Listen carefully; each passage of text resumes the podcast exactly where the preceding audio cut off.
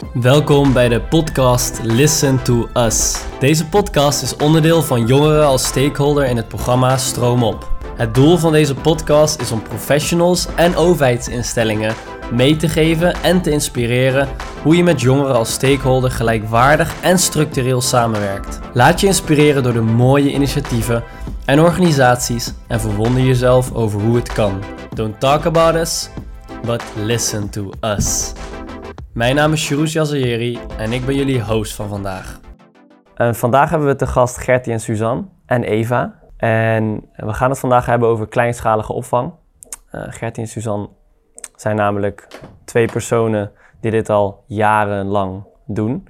En uh, ik ga niet te veel verklappen over wie zij zijn. Dat mogen ze zelf uh, uh, vertellen. Suzanne, Gertie, welkom. Eva, welkom. Hi. Leuk dat jullie er zijn. Suzanne, wil je kort wat over jezelf vertellen? Ja, ik ben Suzanne, Suzanne Aalte. Ik run met Gertie, mijn man, al elf jaar een gezinshuis. En nu vijf jaar een kamertrainingscentrum in Hussen. Waar we meerdere kinderen opvangen. Ik ben uh, Gertie Aalte. Ja, samen met uh, Suzanne natuurlijk. Uh, al elf jaar gezinshuis. op dit moment vijf geplaatste kinderen in het gezinshuis en drie kinderen op de kamertraining. En dat doen we echt met heel veel plezier en dag en nacht. Ja, ik ben Eva. Ik wij woon nu ongeveer vier jaar, langer dan vier jaar bij Gertie in het gezinshuis. Ja, en ik heb het heel erg naar mijn zin, dus dat is mooi. Mooi. Ja, voor de luisteraar thuis, ik zit hier dus met uh, deze drie mensen tegenover me.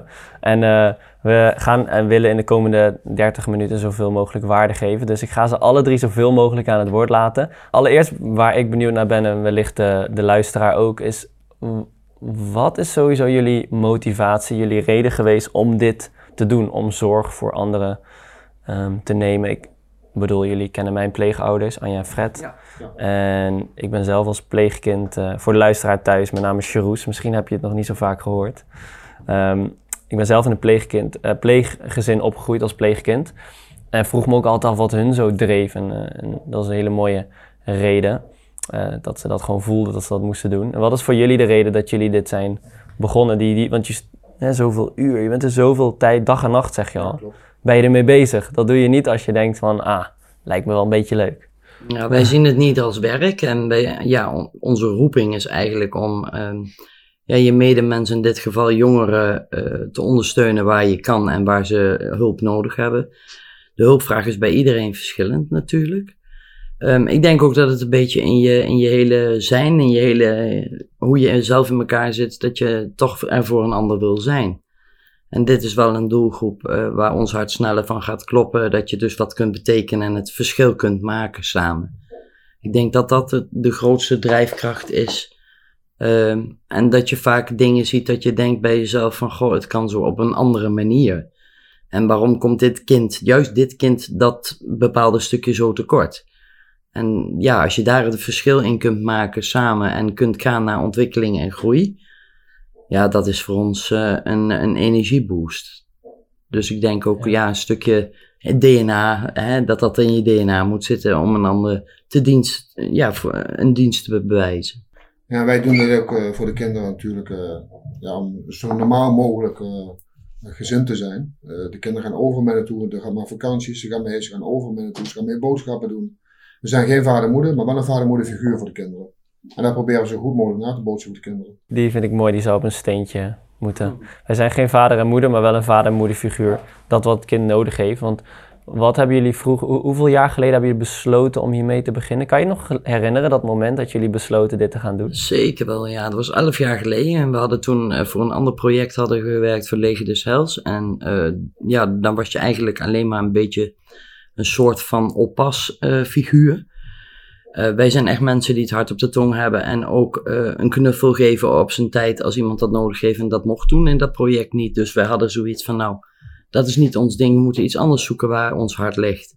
En toen zijn we via Lindenhout, dat is dus een instelling, zorginstelling voor, uh, voor jongeren. En daar zijn we meerdere keren op een avond geweest om gezinshuisouder te worden. Ja, stond een advertentie. Ja, informatieavond. En daar hebben we ons goed ingelezen. En ja, we gingen daar weg met z'n tweeën en we hadden zoiets van, ja, dit is het. Dit is wat wij willen. En het, we zien het niet als werk, maar meer als een verlengde van, van je eigen gezin. We hebben ook zelf twee biologische kinderen. Eén woont daar nog van thuis en die is 20. En een dochter van 32, die woont dus op zichzelf met twee kleintjes. Dus ja, het verlengde van je gezin. En, en net wat Getty zegt, overal mee naartoe en zo normaal mogelijk. Het is niet in ieder gezinshuis zo, daar hebben we ook de voorbeelden van. Dus uh, ik kan niet spreken voor alle andere gezinshuizen. Maar dat je gewoon als jongere je, je vrienden mee mag nemen, iedereen mag uitnodigen, je thuis voelt, je veilig voelt, wat in heel veel uh, gezinnen dus niet uh, aan de orde is. Allemaal sporten en uh, vrienden en alles mag mee in huis, tenminste als het kan natuurlijk. Mm -hmm. Allemaal een eigen kamer, ja, dus weer, kom je weer, zo normaal mogelijk. Zo normaal mogelijk voor jullie, ja. Gewoon zo kind, dat het kind kind kan blijven. Ja, precies. En wat misten jullie? Ik hoorde het al wel een beetje terug van, wat, want wat misten jullie? Want vaak als je iets wil, dan, je ziet dat er iets mist. En wat is volgens jullie hetgeen dat miste voor de kinderen? Wat jullie ze nu wel kunnen geven? Mm, um, ze, mogen deel, ze nemen deel in, in, ja, als volwaardig persoon in ons gezin. Ze worden gehoord, ze worden gezien. Uh, hun aardig en eigenaardigheden die, uh, die ze hebben, ja, die moet je ook vooral kunnen behouden. Dus hun eigenheid. Uh, de ruimte om te ontwikkelen, de ruimte om te begeleiden, wat wij dan doen, zeg maar. Ja, en dat is eigenlijk uh, waar de kinderen heel goed op gedijen. Is dat je ze, ze waardig, waardigheid meegeeft en, en dat ze zich goed voelen en, en veilig voelen. En dan komt die connectie eigenlijk, ja, mag het niet zeggen zo misschien, maar vanzelf. Ja, het is een beetje maatwerk ook. Hè? Ja. Iedere jongen heeft natuurlijk een andere benadering, een andere hulp, uh, hulpvraag. Mm En uh, voor iedere jongen is dus maatwerk wat je geeft. Ja, Dat is tegen eentje hetzelfde. nee. Dus echt kijkend naar het individu van, god, wat heb jij nodig en wat is voor jou belangrijk? Waar moet jij in gestimuleerd worden en waar moet jij in geremd worden? Net wat Getty zegt, het is echt maatwerk leveren. Kijken naar degene van wat moeten we ontwikkelen en wat moeten we een beetje, ja, wat, wat terug uh, proberen te dringen. Ja, Dus een beetje dat. ja dus je, je, je sleutelt, sleutelt als het ware eh, aan, aan het gedrag Ja. eh, en geeft wat ze missen. En wel, als ik het zo hoor, is het vooral je veiligheid, geborgenheid, Ja. Ja. ehm, dat, dat ze gezien en gehoord worden. Dat Ja. mist je en dat, dat proberen jullie, of dat geven jullie ze nu al elf jaar. Ja. Ja. Hoeveel, hoeveel, eh, ben ik benieuwd naar hoeveel kinderen hebben jullie inmiddels al de wereld ingestuurd? Nou, meer als 22. En dat wil dus ook niet zeggen dat het altijd lukt. Mhm. Want het moet van twee kanten komen. Hè? Ik bedoel, wij kunnen wel van alles willen, of de jongere kan van alles willen, maar het moet een samensmelting zijn van. Ja, Eh, en dat lukt niet altijd. En soms nemen bepaalde jongeren ook een, een afstand om, zeg maar, los te komen en zelf de wereld in te stappen. En dat is best wel een, een, dingetje. Maar dat zijn wel normale dingen die gebeuren om een, een ruimte te creëren voor de jongeren om eh, verdere stappen te nemen. hm. Alle zich weer bij te ontwikkelen. gewoon Ja. problematiek. Hè? Ja, Ja, De ene van ADHD, PhD, NOS, dus ze hebben allemaal wat. Dus het moet wel eh, goed eh, samenpassen ook.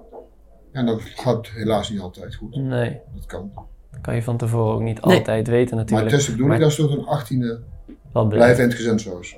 Maar 22, als je daarover Ja. nadenkt, 22 kinderen opgevoed. De, Ja. me- de meeste mensen zijn heel trots als ze 22 jaar ergens werken. Wat ik trouwens mooi vind als je dat doet hoor. Ja. En Deze mensen hebben 22 mensen opgevoed, dat is wel wat anders. 22, ja heel bijzonder hè. ja.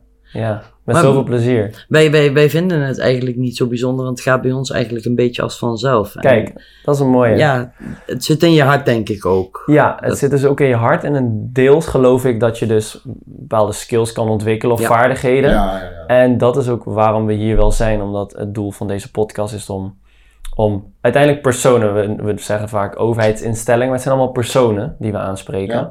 Om die te inspireren. zijn geen nummers, hè? Nee, precies. Iedereen, uiteindelijk, ieder- iem- iemand maakt een beslissing, iemand maakt een keuze, Ja. is altijd een persoon. En ehm, ja, het doel hiervan is, is ook om te inspireren en, en mensen te motiveren, zodat jongeren meer als samenwerkingspartner worden gezien, meer als dat ze er echt bij horen. Ja.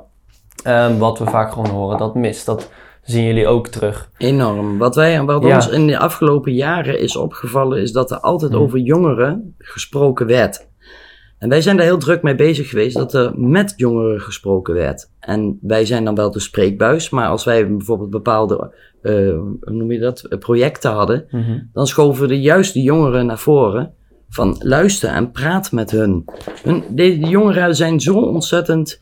Eh, die hebben zoveel kwaliteiten. Die hebben zo, hun weten waar het om gaat. Hun Mhm. weten wat het gevoel erbij is. Dus luister ernaar. En je kunt wel met alle goede bedoelingen achter een bureau van allerlei dingen gaan lopen verzinnen. Is heel mooi. Moeten ze ook vooral blijven doen. Maar doe dat dan nadat je met een jongere hebt gesproken. Ja, dus jullie betrokken ze er echt bij, Ja. betrekken. En ben Ja. ik heel benieuwd, wat hoor je dan vaak terug? Hm, Van de jongeren bedoel je? Ja. En ja, wat je terug hoort is dat ze heel veel frustratie hebben over dat er niet naar ze geluisterd wordt. En dat is echt wel prio 1. Dat, dat ze niet het idee hebben dat ze serieus genomen worden. En dat ze zelf heel veel ehm, eh, ideeën hebben waar ze zelf het idee hebben dat het helemaal niet naar geluisterd of niet opgenomen wordt. En wij hebben hun altijd in hun kracht gezet en de ene wat meer dan de ander. Om, om te laten weten van, nou dat heb ik nodig. Maatwerk leveren, eh, dat soort dingen. Want de ene heeft gewoon, het is niet één lijntje die je voor alle kinderen in kunt zetten dat het zo moet gaan werken. Nee. Het is niet one eh, size Nee. fits all. Nee, wij, absoluut wij niet. leveren thuismaatwerk en dat moeten ze bij gemeentes ook doen. Ja, Niet iedere jongen is hetzelfde. Niet iedere jongen kan dezelfde hulpvraag geven of dezelfde hulpvraag krijgen. Ook daar moet naar gekeken worden. Ja, dus je hoort vaak terug eh, dat, van de jongeren dat ze niet, eh, dat ze niet serieus genomen Hmm. worden, zeg maar. Van, Ja. wie zijn wij nou? Dat Ja. gevoel Ja. krijgen ze dan. Ja, wat maakt voor jullie dat dat nu dan niet gebeurt? Waar zit het hem dat in, denken jullie? Wat is de uitdaging? Hoe groot of klein die ook is. Waarom gebeurt dat nu niet? ik heb geen idee. Ik, Nee. ik denk ook, eh, net wat ik zeg, ja, dan kom ik weer op hetzelfde terecht, dat er niet geluisterd, eh, dat er niet echt, dat ze niet echt begrepen worden. Ehm, de mogelijkheden misschien, eh, ik weet het niet, maar Financieel denk ik ook wel een groot probleem een is. probleem is. Alhoewel wij van mening zijn dat als je de dingen die er zo nu op dit moment zo gaande zijn, als je die anders inkleedt, met eh, iedere keer overstappen naar een andere hulpverlening, eh, iedere keer overstappen naar andere woonruimtes, dat je financieel veel meer ruimte over zou houden als je het direct aanpakt en één regisseur op één kind of op één gezin zou zetten. Wat de bedoeling ook was, maar wat helaas nog niet gebeurt. Ja. Er komen bij ons kinderen die geplaatst worden, die vier, vijf, zes verschillende soorten hulpverlening om zich heen hebben. En dan heb je het over kosten. Moet eens kijken wat dat veel goedkoper kan, zeg maar, als je één of twee hulpverleners erop zet. Waarom hebben ze dan zoveel hulpverleners? Goeie vraag. Geen Ah. idee, dat vragen we ons nog steeds af. Ik zie de verbazing eigenlijk Ja. ook wel. Ja, Ja. Ja. probeer de En dan probeer- heb je het over kosten. vraag me af hoe, eh, hoe ver van onze bedshow het is. Echt, als ik het zo hoor, is het dichterbij dan we denken. Ja, denk ik En wel. dat heb ik dus over maatwerk. Het wordt achter het bureau heel veel verzonnen. En dat is ook goed. Dat, dat is prima, Mhm. maar dat werkt niet altijd. Zou, zou er meer een balans gevonden moeten worden tussen dat maatwerk bedenken en dat in de realiteit ook uitvragen bij jongeren? Ja, absoluut. Ja, Ja, dat ze ermee. Ja. Want waarom, waarom eh, vinden jullie het zo belangrijk eh, dat er met de jongeren samengewerkt wordt? Ja, dat is een hele mooie dat je dat vraagt. En dat, dat is ook, denk ik, het, de sleutel tot succes wat wij eh, al die jaren hebben gevoerd. Als je zelf iets voor, verzint als volwassene of als hulpverlener, want we zijn in principe hulpverleners. En je spiegelt dat, of je, je, je dient dat zeg maar de jongeren aan en hun staan daar niet achter. Dan kun je op je kop gaan staan. Dan gaat dat niet werken. Dus als jij met een jongere samen een plan bedenkt. En je denkt, nou, wat zou jij nog nodig hebben? Wat zou, jij, wat zou er bij jou passen? Dan heb je al 60% gewonnen dat het gaat slagen. Wat van kant je dan opgaat. Dus ik denk dat, eh, en je zet ze ook in een bepaalde eh, kracht, dat ze, eh, dat ze zelf mee kunnen denken. En dat ze zelf hun op- oplossingen of, of problemen aanpakken. Eh, ik denk ja, dat ze ook gezien worden. dat, dat is denk ik de kracht van, eh, van het succes. Dat jullie ze zo meenemen in het proces dat ze echt gezien worden, Ja. waardoor dat proces succesvoller kan. Ja. Waardoor ze wel bereiken wat ze willen. Ja, en als jij zelf iets verzint of je denkt zelf iets van, nou, dat zou mij helpen. Nou, daar ga je daarvoor veel meer procenten in als dat jij maar van alles voorgekoud krijgt. Ja, dat zeg je mooi. De, ja, de uitdagingen, ik noem probleem ook vaak uitdaging, wat Ja. vaak tijdelijk is. Probleem klinkt Ja. zo Ja, dat standvastig. vind ik ook naar woord, Nee, ja. Ik precies. zal een klein voorbeeldje geven. Eh, er wordt, eh, bijna alle kinderen krijgen speltherapie die bij ons komen. Vier, vijf jaar lang. Maar als ze dan bij ons komen, zeggen de kinderen, ja weet je, ik ga naar speltherapie. Maar ik ga er alleen naartoe, ik zeg wat van me verwacht wordt en dan ga ik weer naar huis. Omdat het moet. Omdat het Dat moet. had ik vroeger ook, ja. Ja. Vier jaar lang speltherapie. Moest kijken wat dat kost. Ja. En je, je mist dan ook, vind, vind ik, dan eh, die vier jaar speltherapie zal best wel bijgedragen hebben aan bepaalde successen en, en, en, en veranderingen. Maar op een gegeven moment hebben ze daar zo genoeg van en ze willen gewoon normaal gevonden worden. Als jij vanaf de grote school in de tweede klas naar huis moet eh, van een uur gym, wat je hartstikke leuk vindt, omdat je naar therapie moet, dan ben je voor jouw gevoel als jongere niet meer normaal. Dan moet je naar huis voor je therapie. Waarom moet je dan naar therapie? Wordt gevraagd. Nou, dan moet je je al anders hè, Verantwoorden. Precies. Ja. Dus je bent alweer anders. De kracht in het normaal zijn, de, de normale dingen doen. Eh, niet dat je niet normaal bent als je therapie gaat zoeken, dat bedoel ik niet. Maar voor die kinderen is dat een heel ding. Mhm. Je kunt ook die middag lekker gaan chillen met je vrienden, wat misschien ook nog wel heel veel oplevert. Qua eigenwaarde. Meer en, eigen behoeften zou komen. Precies, en je contacten die je opdoet. Dus Mhm. ja, waar, waar zit dan het verschil, weet je? En dat vind ik een beetje jammer. Ja. Wat je ook ziet is als ze vier, vijf jaar therapie hebben gehad, worden ze een beetje therapie moe. Zo noemen wij dat dan. Maar dan het risico bestaat dat als jij in de toekomst, als jij een twintiger of een ouder hè, bent van kinderen, dat jij dan denkt van ja, nee, daar gaan we weer, ik ga niet weer naar therapie, maar heeft me toen ook niks opgeleverd. En dat vind ik een ja, hele jammer, eh, dat je dan niet meer snel een Het kort aan Hulp, ja. Mooi omschreven, ja. Ja, de law of familiarity. Ken je ja, die? Nee. Ja, dat beschreef je net. Oké. is de wet van eh, ja, familiar. In het Engels betekent in het Nederlands dan eh, dat je er bekend mee bent. Ja, Vaak als wij iets al kennen, gaan we er met minder nieuwe energie en motivatie in. En nou is het wel vaak zo dat je altijd iets nieuws kan leren. Maar als je dat jarenlang doet zonder dat je het weet waarom je het echt doet. Precies. En je denkt, ah, dan krijg ik weer hetzelfde. Dan ga je er al in met. Hè? Het is Ja. niet verrassend. Dan ben je Geen nieuwe gemotiveerd. prikkels. Nee. Nee, en het is omdat het moet, is al helemaal Ja. een eh, externe motivatie. Want Eva kan er misschien wel wat van Ja. vertellen. Want Mooi dat, is- jij die brug maakt, want eh, ja, ik wilde net vragen. Want ik Ja, we zeggen een- net, we willen de jongeren laten praten. Mooi. Dus ja, dan moeten we dat ook doen, hè? Nou, we zijn mooi op elkaar aangesloten. Want de volgende. Eh, kijk, nu heb je gehoord eh, waarom zij dat belangrijk vinden en hoe ze dat zien. Om, om jongeren erbij te betrekken. En hoe zie jij dat?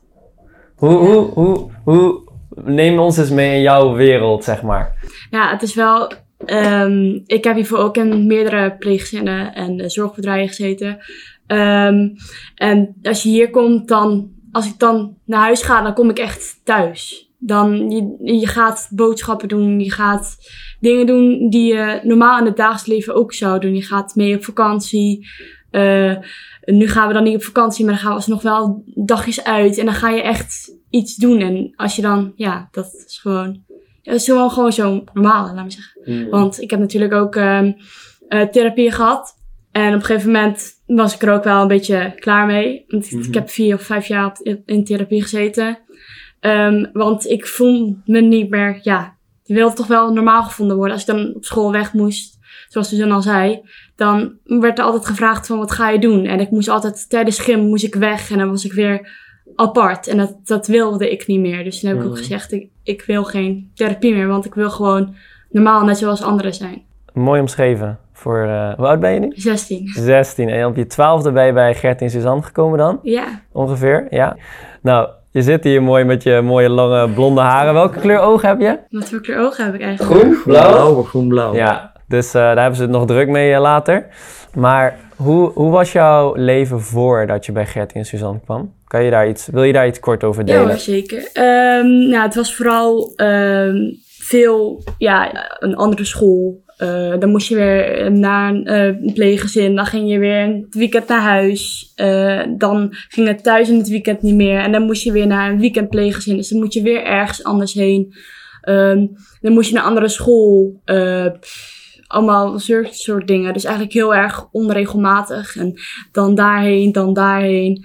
Ehm, en nu je hier bent, dan weet ik ook gewoon, ik blijf hier wonen totdat ik 18 ben. En dat is gewoon een soort van standpunt. Mhm. En dat is heel fijn om te hebben, want dan weet je ook waar je aan toe bent. Mhm. En als je dan ergens anders heen moet of dan daarheen, dan weet je niet van, oh, blijf ik hier wonen totdat ik 18 ben. Of, en dan had ik vooral, voordat ik hier kwam, was dat het. Dat ik Mhm. niet wist of ik echt daar zou blijven totdat ik, totdat ik volwassen was, laat maar zeggen. En dat heb ik hier wel. Ja, Dus, eh, veel twijfel, onduidelijkheid, Ja. verandering. En nu heb je dat wel. Hoe, Ja. hoe voelt dat voor jou? Heel fijn. Ja? Ja. Het is echt een soort van, ja, iets wat je kunt loslaten. Dat je weet dat je hier kan blijven totdat je, totdat je volwassen bent. En dat ze er altijd voor je zullen zijn. Ook al ben je eh, 25, dat ze er altijd zijn. Dus dat is dan wel... eh, Mooi hè? Ja. Ik weet hoe je je voelt. kan je mooi groeien zonder zorgen. ja. En zou je kort willen delen wat je vroeger hebt meegemaakt, van wat je wilt delen? Ik kan Ja, me voorstellen dat dat gevoelig is. Ja, en het is, wel, het is natuurlijk wel gevoelig, maar je hebt, het begin vond ik het ook heel moeilijk om het te vertellen, maar door de jaren heen leer je dat, misschien Ja, klinkt het heel raar, leer je. te vertellen. Ja. Ehm, toen ik eh, zeven was, is mijn eh, moeder overleden aan borstkanker. Mhm. Ehm, ehm, en ik was nog heel jong en ik had niet echt bepaalde emoties erbij. Ehm, toen ging mijn eh, eh, vader best wel snel trouwen met een andere vrouw. Ehm, in het begin vond ik dat prima, maar daarna ehm, ging het niet meer goed. Mhm. Ik kon niet zo goed met haar. En toen ging ik dus uit huis. Toen ging ik naar een zorgbedrijf. Daar ging het... Het was wel oké, maar er waren dingen, vooral met mijn vader, wat met hun niet helemaal klikte. Dus toen zeiden ze van, nou, je mag weer naar huis komen. Dus toen ging ik weer naar huis. En toen was ik thuis. Toen ging de eerste maand ging wel redelijk. Daarna ging het weer niet goed. Eh, en toen ging ik dus naar een pleeggezin. En nu met Gertie en Suzanne heb je het gevoel dat er wel echt ouders voor je zijn. Ja, dat is zeker. Mooi is dat, hè? Dat zeggen ze ook altijd, ik kan geen moeder voor je zijn. Maar ik wil je wel het gevoel geven dat er iemand is voor je. En wat vind je zo fijn aan, aan hun opvoeding? Nou, gewoon, eh, ze zijn gewoon normaal en ze doen gewoon hun ding. En ook gewoon waar wij bij zijn, dat is gewoon hun, ja, ze zijn gewoon normaal. En, en ze, ze kunnen, ze houden van een grapje, dus dat, dat is ook wel heel, eh, heel leuk. Want eh, het is eigenlijk nooit echt, Wie is het grappigst? Gertie. Ja, die, die zit er nu het rustigst bij, hè? Nee, hij is, hij is altijd de grappenmaker thuis. Dat is gewoon ook fijn. En als je dan thuis komt, dan is het... eh, oh, als je dan van school komt... Oh, hoe was je schooldag? En dit en dat. Dus dat vind ik ook wel heel fijn. Dat ze gewoon gesprekken hebben. Maar ook gewoon natuurlijk gewoon grapjes kunnen maken. En dat vind ik heel fijn aan hun, eh, aan hun, opvo- hun opvoeding. Ah, maar ik merk eh, dat jullie wel stralen als je dat zo hoort. Ja, Wij stralen altijd. Ja. ja, ik denk ook dat de basis thuis goed moet zijn. En wat dat betreft, wij zitten altijd op één lijn met elkaar. En dat is voor de kinderen heel duidelijk. Soms ook heel irritant. Als je iets vraagt aan Gertie van... Ja, mag ik een koekje pakken of zo? En hij zegt nee, we gaan zo eten. En ik vraag het later aan Suzanne. Dan zegt Suzanne nee, we gaan zo eten. Dus dat is wel fijn aan de ene kant. Maar aan de andere kant denk je... Ach, Je hoeft jammer. er niet bij een ander te komen. Nee, want ze Nee. zijn het altijd met elkaar eens. Ik hoor duidelijkheid. Ja, Dat je weet wat je kan verwachten. dat is zeker waar. Ja. En Eva is enorm gegroeid natuurlijk. En eh, die, heeft, eh, ja, die was eindelijk van een beetje van een bang vogeltje wat ze bij ons kwam. Tot een mooie jonge vrouw. Die weet wat ze wil. Hmm, Ze praat heel duidelijk. Ja, en, en ze kan nu ook haar gevoel. Een beetje raar om te praten over jou als je erbij zit. Maar ik wil je dat wel meegeven. Dat ik, ja, wij zijn heel erg trots op haar. Ze heeft zulke enorme stappen gezet.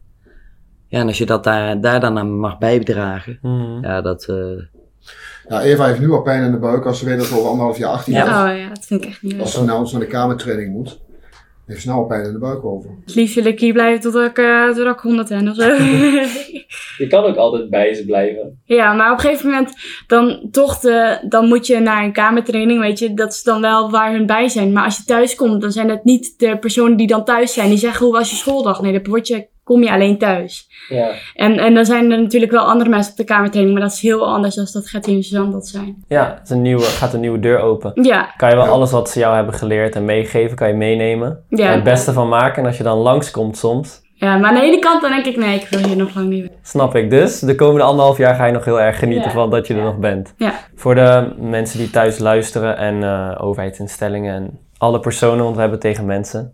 Stel je voor, stel je voor, morgen hebben we geen, we hebben geen mail meer, geen telefoon, we hebben geen social media meer. We hebben alleen nog maar, we kunnen alleen nog maar brieven schrijven. En op die brief mogen jullie eh, iets, eh, mogen jullie alles zetten wat jullie nog mee zouden geven, willen geven aan mensen die ehm, bezig zijn met jongeren. Waardoor jongeren dus meer betrokken worden, zoals jullie jongeren worden. ehm, zoals ik vroeger ben. En waardoor deze, deze groep van mensen, van jongeren, maar ook iedereen die ermee... Want het is allemaal samenwerking, zodat het allemaal beter kan gaan samenwerken. In mijn, in mijn optiek kan altijd iets beter. Er is altijd verbetering mogelijk. Wat, zou je, wat zouden jullie op die brief schrijven? De rest is niet meer mogelijk, hè? Dus eh, we kunnen, jullie, misschien wilden jullie nog een boek schrijven. Dat is niet meer mogelijk. Het is alleen maar, we hebben één blaadje. En daar komt dan op wat jullie heel graag mee willen geven vanuit jullie ervaring, vanuit jullie liefde, compassie voor het opvoeden van kinderen. Wat zouden jullie dan Ja, meegeven? ik denk ook dat dat... eh, Welke als- punten? Noem maar, ik wil er graag drie horen. Ja, luister naar de jongen. Ja, respect eh, voor elkaar. Begrip voor elkaar. Inlevingsvermogen. Maar vooral ga het gesprek aan. Maar niet over elkaar, maar met elkaar. Eentje is ga het gesprek aan en dan Ja, met elkaar. Met Stel aan het begin van, Ja. Ja. we praten over de jongeren, we moeten met de jongeren gaan ja praten. absoluut. En, en twee, wat, wat, wat is het tweede advies of eh, ik noem het gouden advies, wat jullie echt zouden willen, willen meegeven? Denk vanuit je hart, hè? Ja. Respecteer elkaar. Probeer in te leven. Waarom bepaalde kinderen bepaalde keuzes maken. Verdiep je een beetje in de, in, in de, in de ontwikkeling en, en in, het, ja, in het verleden van zo'n kind. En daarom krijg je soms ook bepaalde reacties terug. Maar on- verdiep je daarin. Verdiep je in het leven van het kind hiervoor. Zodat je gericht eh, dingen aan kunt pakken. Ja. Maar bij ons in het gezinshuis, bij ons op de kamertraining, is gewoon respect voor elkaar. Dat je er voor elkaar bent, dat je elkaar respecteert, ehm, empathisch vermogen hebt. Dat is gewoon heel belangrijk. Dat je ze ziet. En het houdt niet op na 18. hè. Nee. Want juist kinderen die 18 zijn, dan uit de hulpverlening komen, ze zijn niet voor niks thuis weggegaan of hebben niet voor niks thuis niet kunnen blijven wonen. Dan vallen ze in een diep gat en dan mag alles, want dan mag je naar de joint, dan mag je jointjes roken, dan mag je bier drinken, dan mag je alles. En dan is de rem eraf. En dan gaat het vaak verkeerd, ook met schulden. En dan zeggen wij ook tegen de jongeren die bij ons zeg maar een stapje verder gaan naar, naar volwassenheid van als er iets is, je kunt altijd bij ons terecht. Dat is dan best wel lastig, want als het misgaat en je moet dat toegeven, is best wel een dingetje. Maar als je dat bespreekbaar maakt, je kunt altijd bij ons terecht.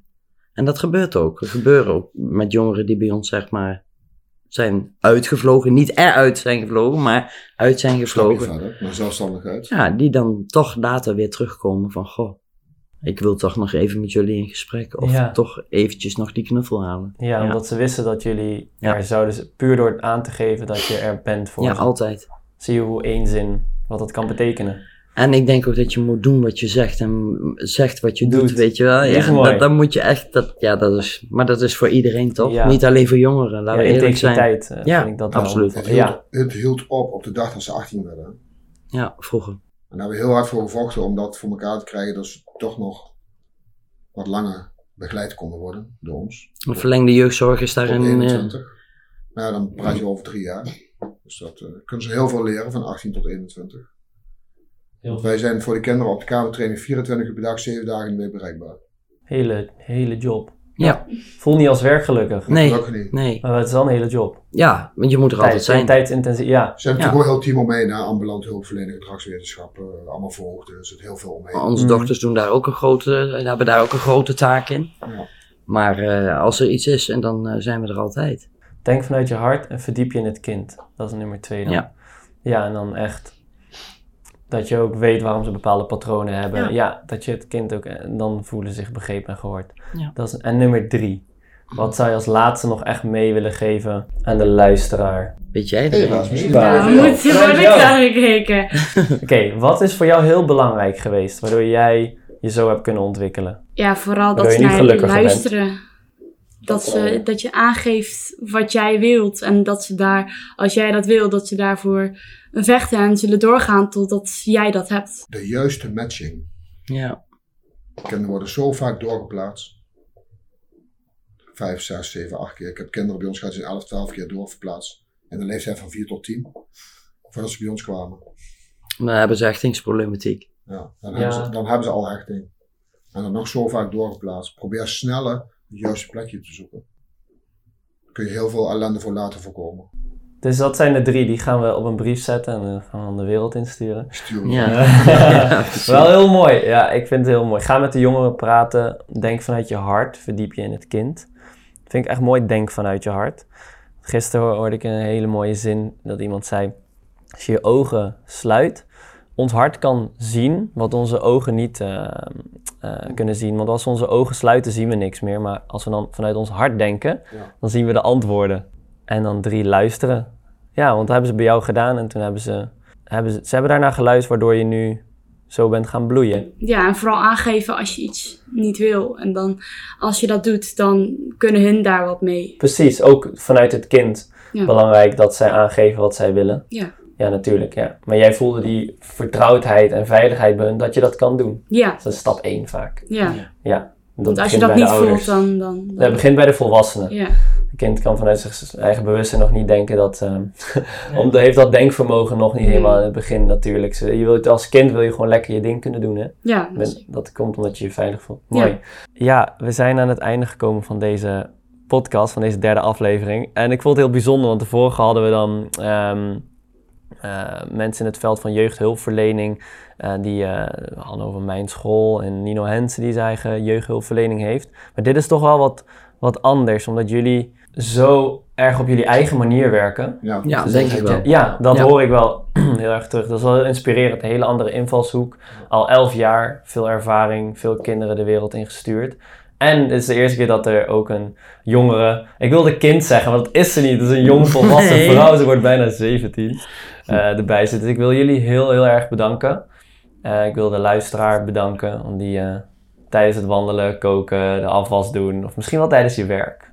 We zullen het niet vertellen die dit aan het luisteren was. Ehm, hopelijk was het weer waardevol. En ehm, horen we je graag de volgende keer weer bij een eh, volgende editie. Bedankt Gertie, Suzanne en Eva. alsjeblieft. Volgende maand zijn we weer terug met een volgende editie. eh, waarbij we een ander thema gaan bespreken. Ben je benieuwd waar die over gaat? Luister dan volgende maand weer naar de podcast Listen to Us.